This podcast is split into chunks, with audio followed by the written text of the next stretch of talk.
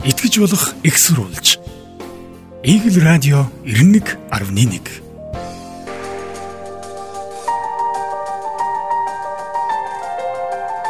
Үндэсний тайм сэтгүүлийн онцлог нийтлэлээс цагаан захтны сүргийн амин тижэл өрөөр зоол өгсөд Төслийн мөнгө гэдэг ухагтгүн бий болжээ. Эзэнгүү их хэмжээний мөнгө гэх нь холгүй утгыг энэ үг агуулж байна уу гэлтэй. Тийм төслийн зээлийн хөрөнгөөр гэхээр бидний сэтгэлд ч үнэгүй зүйл хэрэглэх ёстой мэт буудаг.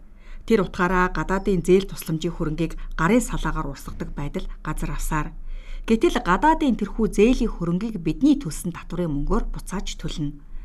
Мөнгө иддэг төсөл, зээл авдаг төсөв бидний татварын мөнгийг тал тал тийш нь тарааж байна. Төсөл хөтөлбөрийн нэрээр жижиг дунд үйлдвэрлэлийн зээл байтугай хөрөнгө эргэлдэж байна Нэг төслийн санхүүж хүртэг гихтэл 218 сая ам доллар. Нэг жилийн цалингийн өртөг 400 мянган Америк доллар гэвэл ямар сонсогдож байна. Гадаадын зээл тусламжаар хэрэгжиж байгаа төслүүд тухайн их усүрээсээ санхүүжиж байгаа хэмээн тайлбарладагч зардал нь Монгол улсад ирж байгаа гэдгээрээ буцааж төлнө гэдэг ганц л үнэн бий. Үйл ажиллагааны зардалд 24 тэрбум төгрөг зарцуулдаг. Төсвийн тухай хууль болон өрийн удирдлагын тухай хууль заасны дагуу гадаадын зээл тусламжийн хөрөнгөөр санхүүжих төсөл хөтөлбөрийг хэрэгжүүлэгч нэгж байгуулж ажилуулдаг. Одоогийн байдлаар манай улс гадаадын зээл тусламжийн хөрөнгөөр хэрэгжиж байгаа төслүүдийн хүрээнд нийт 59 төсөл хэрэгжүүлэгч нэгж байгуулан ажиллаж байна. Эдгээр нэгжээс 53 нь гадаад зээл тусламжийн их усүрээр санхүүждэг бол 6 нь улсын төсөө санхүүждэг төсөл хэрэгжүүлж байна. Төслийн нэгжүүд нийтдээ 468 төслийн ажилтнтай бөгөөд тэдгээрийн үйл ажиллагааны зардалд жилд дунджаар 24 орчим тэрбум төгрөг зарцуулдаг гэдгийг сангийн сайд Хөрлөбаатар хэлсэн юм а.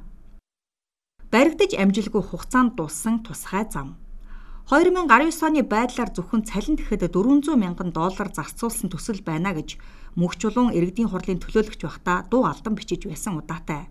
Нийслэлд гадны зээлээр бүтээн байгуулалтын төсөл хэрэгжүүлсэн цөөнгүй. Энд эрх хоригч намуудын шахаа ордог. Ажил хийхгүй цалин худалдан авалтын хулгай хийдэг л гэсэн үг. Төслийн нэгж нь бүтэн 5 жил цалингаа аваад нэгч тоосго өргөдөөгүй төсөл байна гэвэл та итгэхгүй гэж тэр асуужээ. Түүний хэлсэн энэ төсөл бол BRT буюу тусгай замын автобусны төсөл юм. Тусгай замын автобус төслийг яаралтай хэрэгжүүлэн хэмээн Монгол Улсын засгийн газар Азийн хөгжлийн банктай хамтран ажиллаж байлаа. Анх 2015 онд улсын хурлаас баталсан ч тухайн үедээ Улаанбаатар хотод метро барих учир тусгай замын ашиглалт шаардлагагүй гэдэг шалтгаанаар хэрэгжиж амжаагүй. Харин 2017 оны 5 дугаар сараас дахин яригдж төслийн нэгжийг зэгцэлж эхэлсэн. Тусгай замын автобус гэдэг нь Улаанбаатар хотод үйлчилж байгаа Эг тайвны өргөн чөлөөний 1-р игнэгээр зорчих автобусыг илүү наривчилсан боловсронгой болгох хувилбар гэж санал болгосны үндсэн дээр Эг тайвны гүүрний баруун талаар гарах автозам төмөр зам доогоорох нүхэн гарц дундгоол дээгүүрх гүүрийн наривчилсан зураг төслийн тендер хүртэл зарлаж байжээ.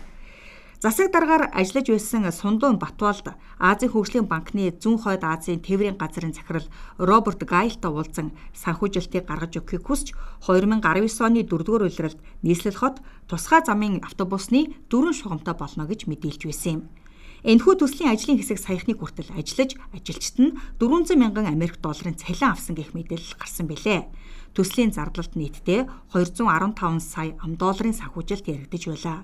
Төслийг хамгийн сүүлд танилцуулахад 2020 оны сүүлчээр ашиглалтанд оруулна гэж амлалт өгсөн хэдий ч удаашрсаар одоогор гүйцэтгэгч компаниач сонгоогүй л байна.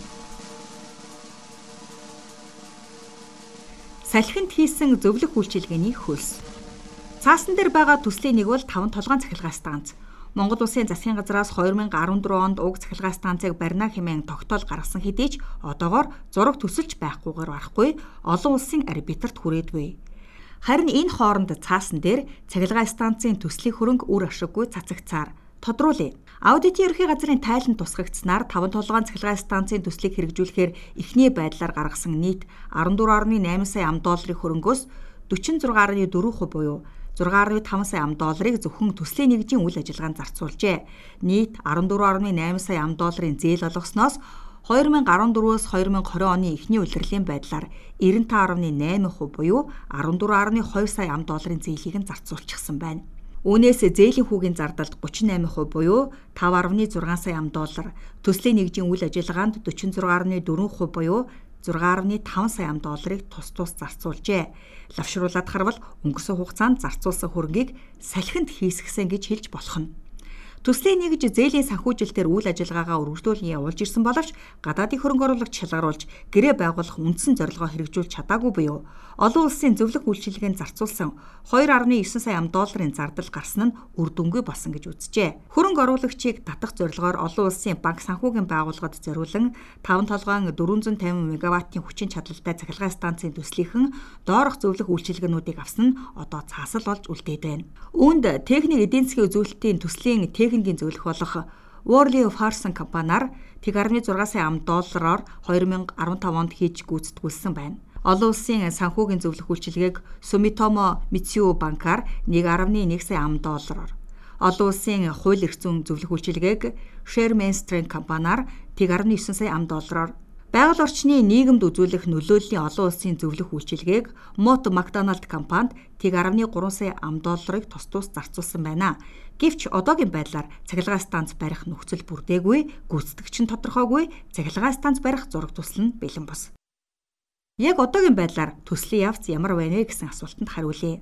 Төслийн гадаадын хөрөнгө оруулагчийн сонгон шалгаруултанд 3 компани ирүүлсэн саналыг үнэлж төслийн удирдах хорооны 2016 оны 2 дугаар сарын 28-ны өдрийн 3 дугаар тогтоолоор Япон улсын Marubeni корпорацийг шалгаруулсан. Гэвч 2017 оны 4 дугаар сард Marubeni компани эрчим хүч худалдан авах хэрэглэгчийн баталгааны талаарх асуудал уг төсөл ихсээс хойш 4 жилийн хугацаа өнгөрсөн боловч тодорхой болоогүй тул төсөлд үргэлжлүүлэн хамтран ажиллах боломжгүй тухай шийдвэр гаргаж гадаад хөрөнгө оруулагчаас татгалзжээ. Цагаан захтны сүрэг. Энэ бол төр өр тавьж санхүүжүүлдэг олон арван төслийн ердөө хоёр нь. Үүний цаана цаасан дээр хөгжил яриад амьдрал дээр улдан чангааж арга цаа сууга цагаан захтны сүрэг олон бий.